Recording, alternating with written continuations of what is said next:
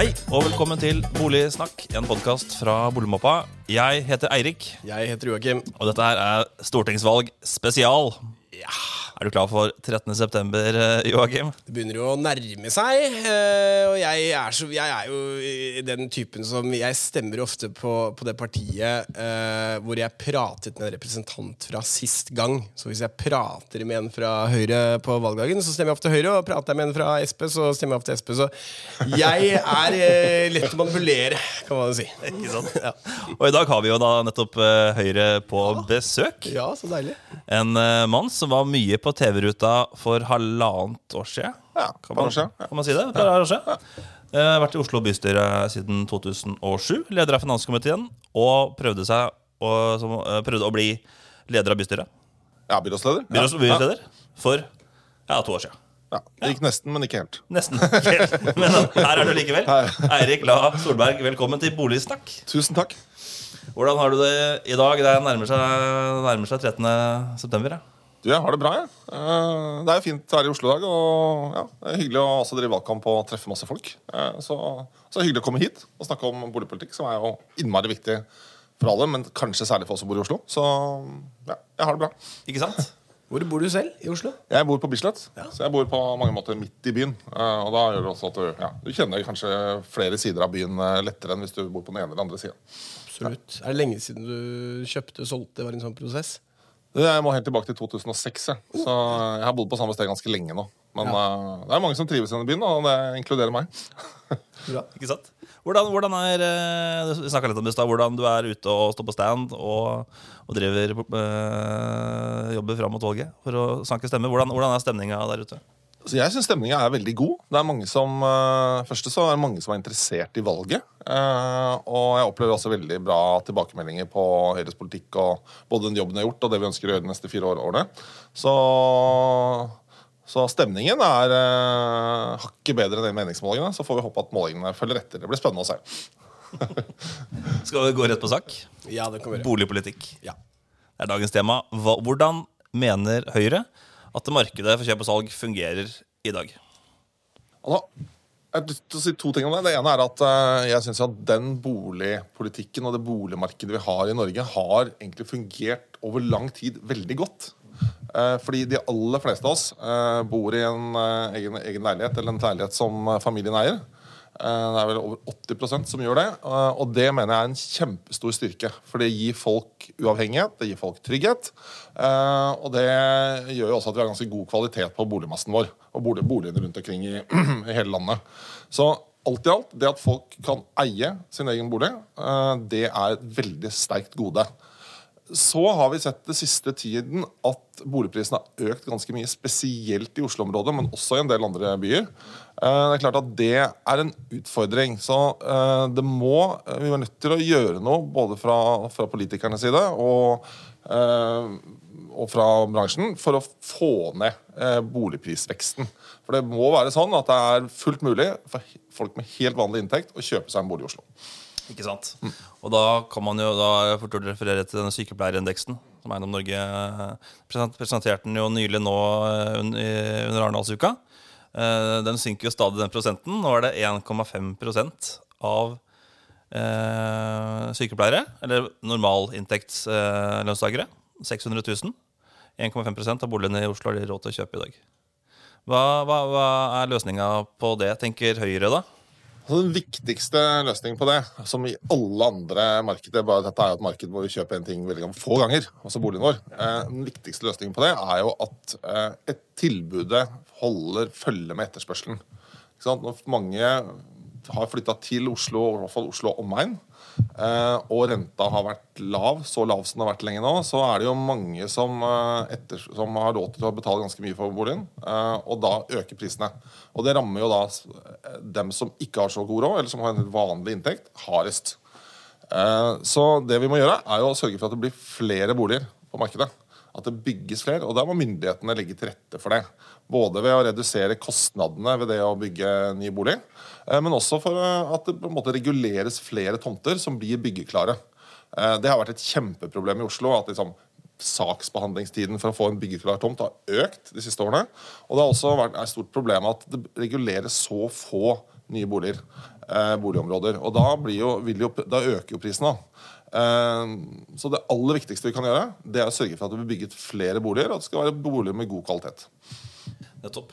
Uh, Raymond Johansen var akkurat ute i Aftenposten uh, og, og, og slo tilbake på nettopp dette. Han mener jo at det alle klager på, er at det bygges for lite. Uh, kommunen legger til rette for få, få boliger. Uh, og han mener at det er jo ikke det de gjør, det er utbyggerne som er for grådige. Hva sier du til det, Erik? Det er sikkert eh, mange som kan se på om de bør gjøre ting litt annerledes. Men det er jo ikke noe tvil om at tilbud og etterspørsel henger sammen og styrer prisene. Altså Det kan ikke Raymond Johansen ro seg bort fra. Eh, og mens han har vært byrådsleder i Oslo, så har jo måte, prisene økt voldsomt. Han gikk til valg på at han skulle regulere 100 000 nye boliger. Jeg tror det endte på 15 000-20 000 etter seks år. Ikke, altså, så det er et voldsomt sprik mellom det de har sagt de skal gjøre, og det de gjør. Så hovedproblemet er at det reguleres for få tomter i Oslo, at det bygges for lite eh, tomter. Hvis du ser på for en annen by som også har hatt et visst press, eh, vært et pressområde, selv om det ikke har vært helt som Oslo, Kristiansand, så har jo den sykepleierindeksen så er det, du om, så er det nesten halvparten av boligen som er til salgs, kan en sykepleier med gjennomsnittlig sykepleierlønn eh, kjøpe seg. Så Det er ikke den eneste grunnen, men det er en ganske stor forskjell. Og Kristiansand har vært veldig langt framme i skoene på å tillate nye at nye boliger blir bygget. Og så har du også i Oslo en sånn eh, e, helt egen, hus, egen eh, regulering som heter leilighetsnormen, eh, som dere kanskje har snakka om her før. Eh, som jo gjør at det blir en veldig mangel på små eh, og mellomstore boliger i Oslo. Altså det er jo sånn at øh, Hvis du skal bygge i et øh, byggeprosjekt, så må eh, så, får du ikke lov til å bygge mer enn 35 av leilighetene dine. Altså 35% av leilighetene dine. Maks. Kan jeg si det på den andre måten, kanskje. Eh, hvis du skal bygge små leiligheter, så får du rett slett ikke muligheten til det. For det er en maksgrense på at 35% av leilighetene kan være mellom 35 og 50 kvadratmeter. Og under 35 så får du ikke lov til å bygge noen. Nei, så det blir en voldsom mangel da, på leiligheter under 50 kvadratmeter. Og siden veldig mange i Oslo har, eh, er single og bor for seg selv, og ikke trenger veldig stor leilighet, så skaper det en voldsom ubalanse i boligmarkedet. Så det vi gjør er å bygge mer, og så bør vi fjerne reguleringer som gjør det vanskelig for folk å skaffe seg eh, sin egen bolig, sin første bolig, eller en bolig hvis de bor for seg selv og ikke trenger så stor plass. Det er interessant. Vi har ikke pratet om den leilighetsnormen. Eh, nei, og vi, og vi, ser jo det eiendomsmarkedet at de leilighetene som er nettopp 18-20 kvm, kvadratmeter, de går jo skyhøyt. fordi man trenger ofte ikke mer plass når man er student og, og du vil bo lite og sentralt og smart. Altså Indre by, da, som er liksom det området hvor det er størst drift om boligene også, så får du ikke lov av byrådet i Oslo av Raymond Johansen og co. til å bygge under 35 kvadratmeter. Og du må altså, du får ikke lov til å bygge en, en Hvis du vil ha et byggeprosjekt, så kan du ikke ha en større andel enn 35% av leilighetene som er under 50 kvadratmeter.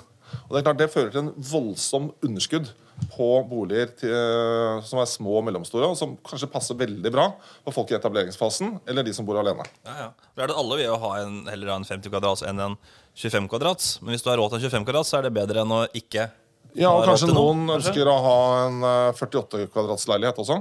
Uh, og det får du jo ikke lov til å bygge hvis du allerede har 35% leiligheter i den størrelsen. Hva er logikken bak det? Er det noe jeg tror det er et slags ønske om å unngå at det blir for mange små leiligheter.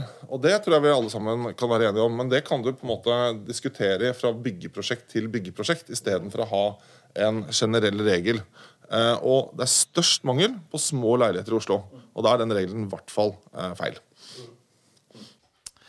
Eh, siden, vi er inne på Oslo, vi hadde Fremskrittspartiet her i en annen episode. Eh, og de vil jo deregulere ytterligere. Eh, og de ønsker bl.a. å bygge mer i Oslo, f.eks. i den skogen som heter Marka.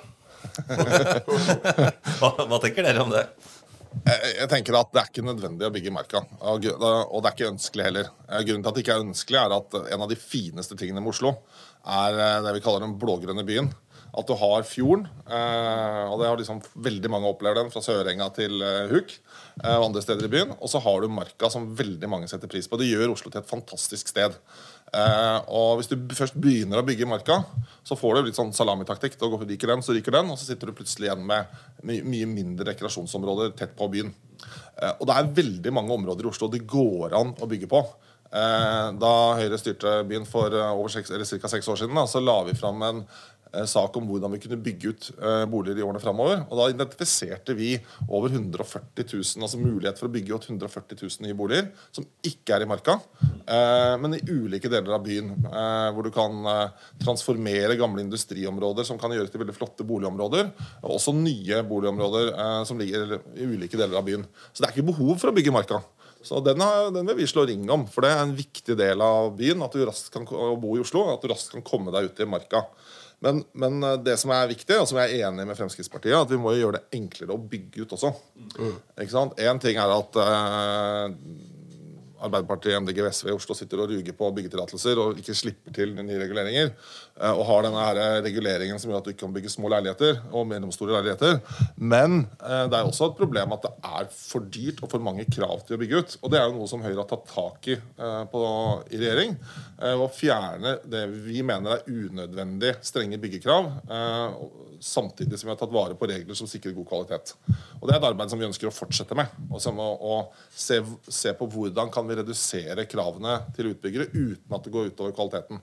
Et eksempel for noen år siden var jo at mange nye prosjekter inneholdt krav om at det skulle være uh, universell utforming. Mm. Uh, det er viktig, men du må, må ikke nødvendigvis ha det kravet i alle leilighetene. Du må ikke ha HC-toalett i alle leilighetene så lenge det er god nok tilgang for dem som trenger det. Ikke sant? Ja, absolutt jeg, eh, anekdote. Jeg, jeg, har et lite anneks i, i, hagen hvor jeg har lyst til å bygge litt på. Og uh, koble på, lage en liten do og et lite soverom. Uh, og da blir det en ny boenhet. Ja, og da må jeg ha bad med snusirkel for rullestol ja. i mitt ørlille anniks i hagen. Som jo stopper hele prosjektet. da Det blir for stort og dyrt. Så det er jo definitivt noe man kan se på. ja, ja, du skal vel leie ut i annekser, kjenner jeg deg rett. Så det er godt noen senere stopper stopp Jeg sitter på hjemmekontor, og da slipper jeg å gå opp i huset. Det er det som er tanken. da ja, Og det er jo ikke en jobb som vi er ferdig med, eh, så det ønsker vi å håper vi får lov til å fortsette på neste stortingsperiode. Men da vi gjorde, eh, her, eh, altså, gjorde endringer i byggetekniske forskriften, altså den TEK Eh, TEK17 var vel den som ble vedtatt for noen år siden. Så gjorde vi jo endringer som reduserte byggekostnadene med ca. 100 000 kroner per bolig. Så det er i hvert fall et steg i riktig retning, og vi vil se på flere sånne grep. Eh, men, men det er klart, vi må klare å balansere krav som sikrer god kvalitet, med å fjerne krav som egentlig bare er fordyrende. Interessant.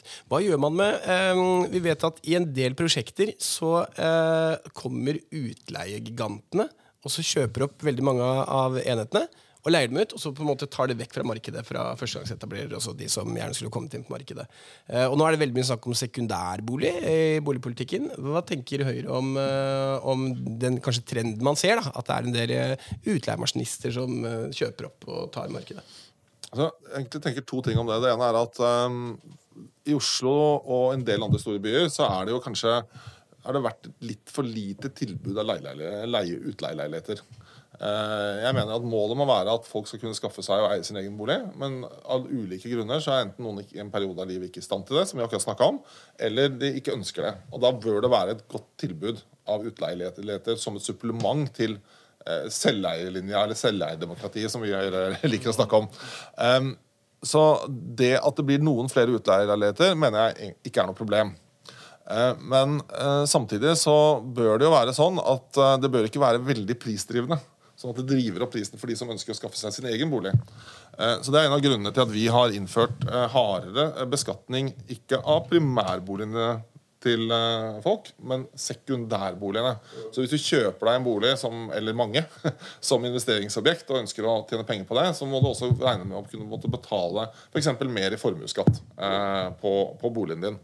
Uh, og det har nok bidratt også til å dempe den veksten noe. Men uh, vi, vi, i Høyre er opptatt av at de boligpolitiske virkemidlene som gjør at det blir attraktivt og enklere å eie sin egen bolig, de må rettes mot din egen bolig, altså primærboligen. Men sekundærboligen er det, mener vi det er greit å ha noe høyere skattlegging av. Nettopp for å unngå at du får at det blir at de som skal skaffe seg en egen bolig, blir fortrengt av de som har boligen som investeringsobjekt.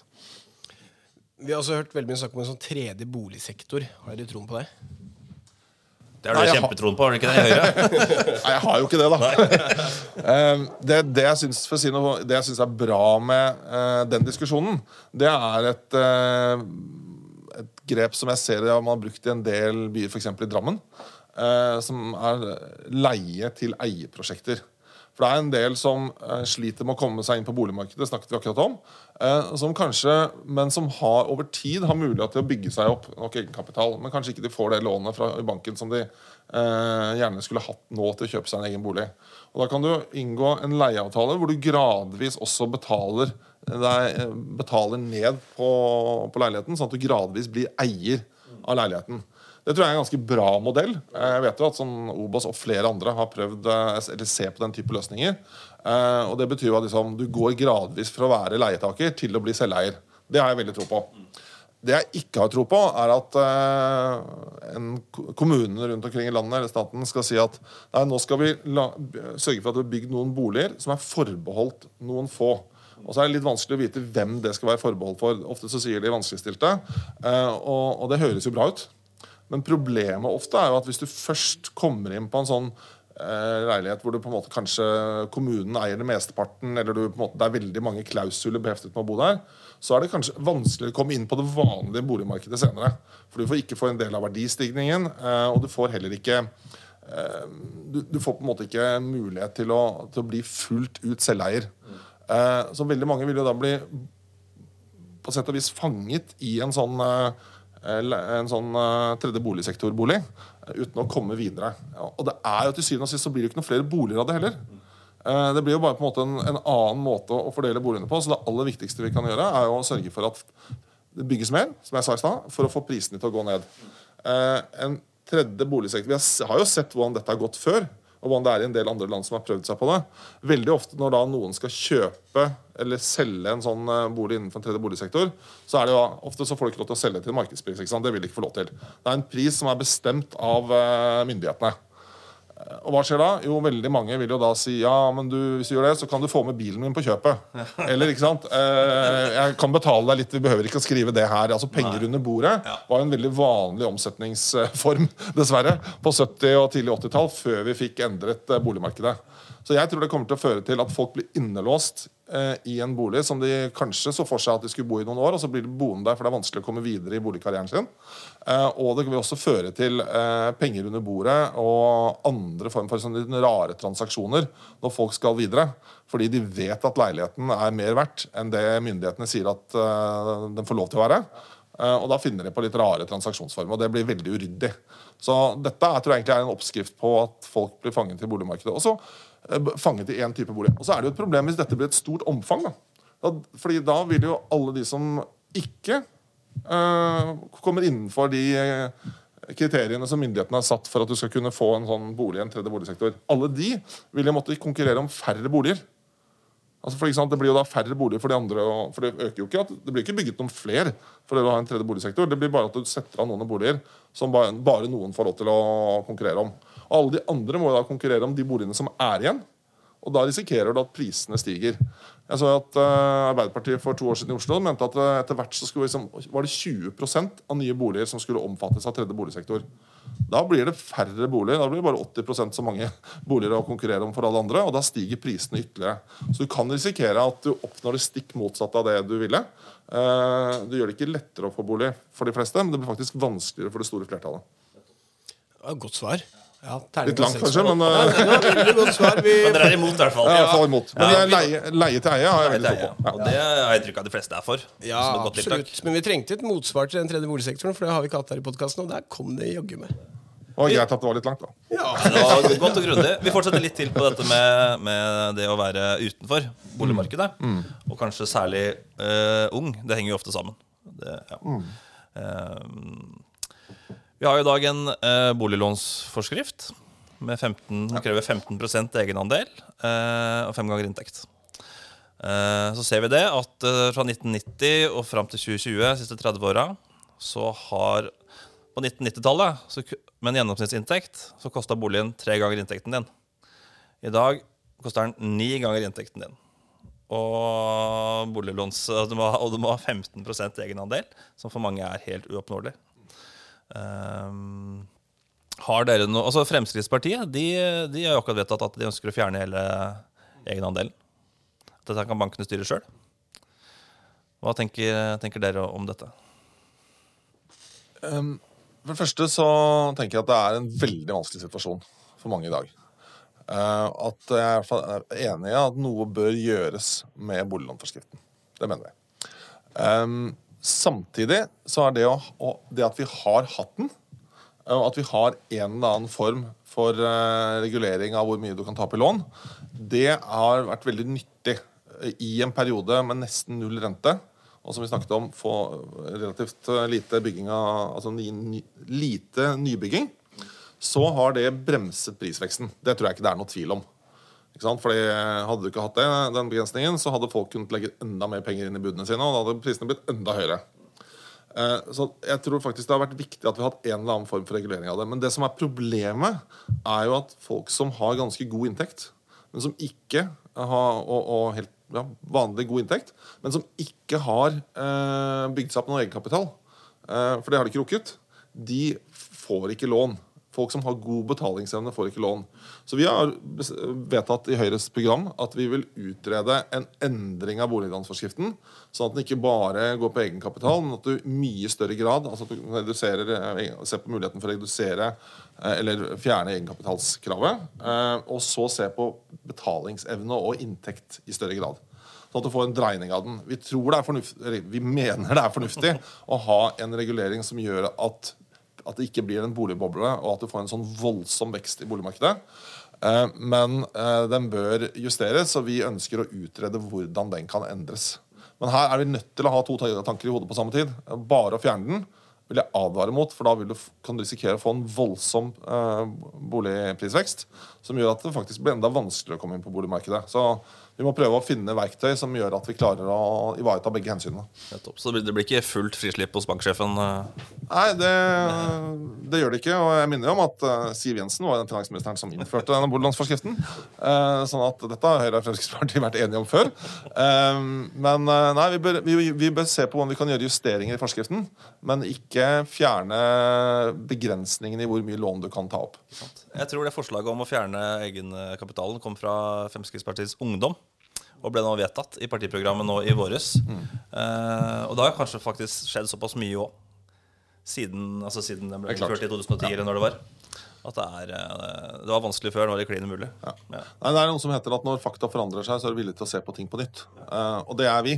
Men uh, vi vil ikke kaste uh, alle ver verktøy for å begren begrense boliglånsveksten over bord. Da vil vi heller se på hvordan vi heller kan se på betalingsevne istedenfor uh, hvor mye egenkapital du har.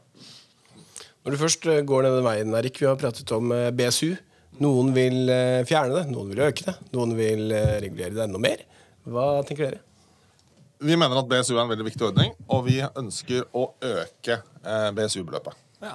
Um, kort og greit. Uh, og det har vi også gjort i den perioden vi hadde bak oss. Altså mulig, i hvert fall Begge Beløpet du kan spare hvert år og få skattefradrag fra, for, har vi da uh, økt. For Vi mener det er en veldig viktig ordning som gjør at det er lettere for uh, ungdom å komme inn på boligmarkedet. Eh, og da Og når, også når prisene går opp, så er det også naturlig at eh, sparebeløpet og det du kan få skattefradrag for, øker. Eh, og det er en del av vår tenkning om at det er veldig verdifullt for folk å eie sin egen bolig. Det er jo noe som egentlig er Det har ikke en historielekse her, men det har vi ikke tid til. Men, men Høyre har egentlig hele sin historie vært opptatt av at folk skal kunne eie sin egen bolig, og jobbet for virkemidler for det. Og BSU-ordningen er ett et bidrag, ikke det eneste, men ett bidrag til at unge kan få den muligheten. Nettopp. Men så har man unge Joakim her, da, eh, ved min side, som da er på din tredje bolig. Mm, ja. Ja, Og sparer i BSU og får, eh, får tilbake en del av den skatten hvert år. Fint om du anonymiserer meg. Ah, okay, uh, fungerer ikke BSU Og det, det, gjelder jo det gjelder mange, ikke sant? At man har kjøpt sin første bolig for lenge siden, og man ringer banken og sier jeg har ganske mye penger på BSU. Så sier banken at de pengene burde la stå. For det, det, det er det gunstigste. Funker det litt feil da, eller? Det vi eh, egentlig har vært opptatt av, er at eh, du skal, BSU-ordningen skal brukes til den første boligen du kjøper. Ehm, så når jeg sier at vi ønsker å øke sparebeløpet, så ønsker vi også å legge en begrensning på at det skal gå til den første boligen du kjøper. Eh, og at du ikke kan fortsette, altså, du kan godt beholde beløpet, men de fleste vil jo da bruke det hvis du ikke kan fortsette å spare til bolig nummer to. Eh, det vi også har sagt, er at eh, hvis du kjøper en bolig og du har på en måte BSU-penger som du gjerne skulle brukt, og på en måte har fikset finansieringen av selve boligen, så kan du også bruke det eh, til oppussing og vedlikehold. Det er en ny regel fra 1. juli i år. Men, men eh, de som allerede er inne på boligmarkedet, har jo, i hvert fall så lenge det går i, er flatt eller øker, har jo glede av verdistigningen på boligen sin. Og har jo ikke den samme behovet for en BSU-ordning så de som eh, kjøper bolig nummer to eller tre. Så sorry.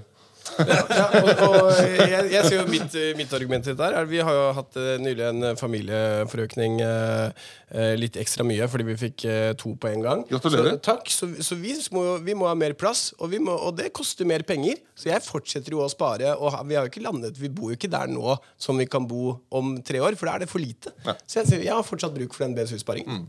Selv om jeg er på bord nummer tre. Kjempebra.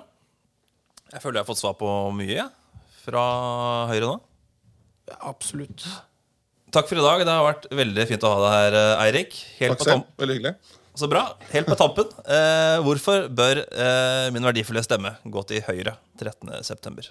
Jeg håper du stemmer Høyre fordi vi er opptatt av å ha en skole som gir alle barn maks muligheter i livet. Altså Det er det viktigste eh, offentlige gjør. Det er å gi barna et godt utgangspunkt i livet. Med en kunnskapsskole som gjør at de får mulighet til å få seg jobb og høyere utdanning seinere. Og så er det viktig å stemme Høyre av hensyn til at du skal få et næringsliv som klarer å skape nye arbeidsplasser. Det er spesielt viktig nå etter koronaen at vi klarer, sørger for at folk får jobben sin tilbake og kommer ut i jobb hvis du skal ut i arbeidsmarkedet. Eh, og vi fører en politikk som gjør at det er lettere å starte nye bedrifter. Vi har også en kraftig satsing på helsevesenet, at du skal kunne få god kvalitet eh, og valgfrihet i helsevesenet. Og så bør du også stemme Høyre av hensyn til å få resultater i miljø- og klimaarbeidet.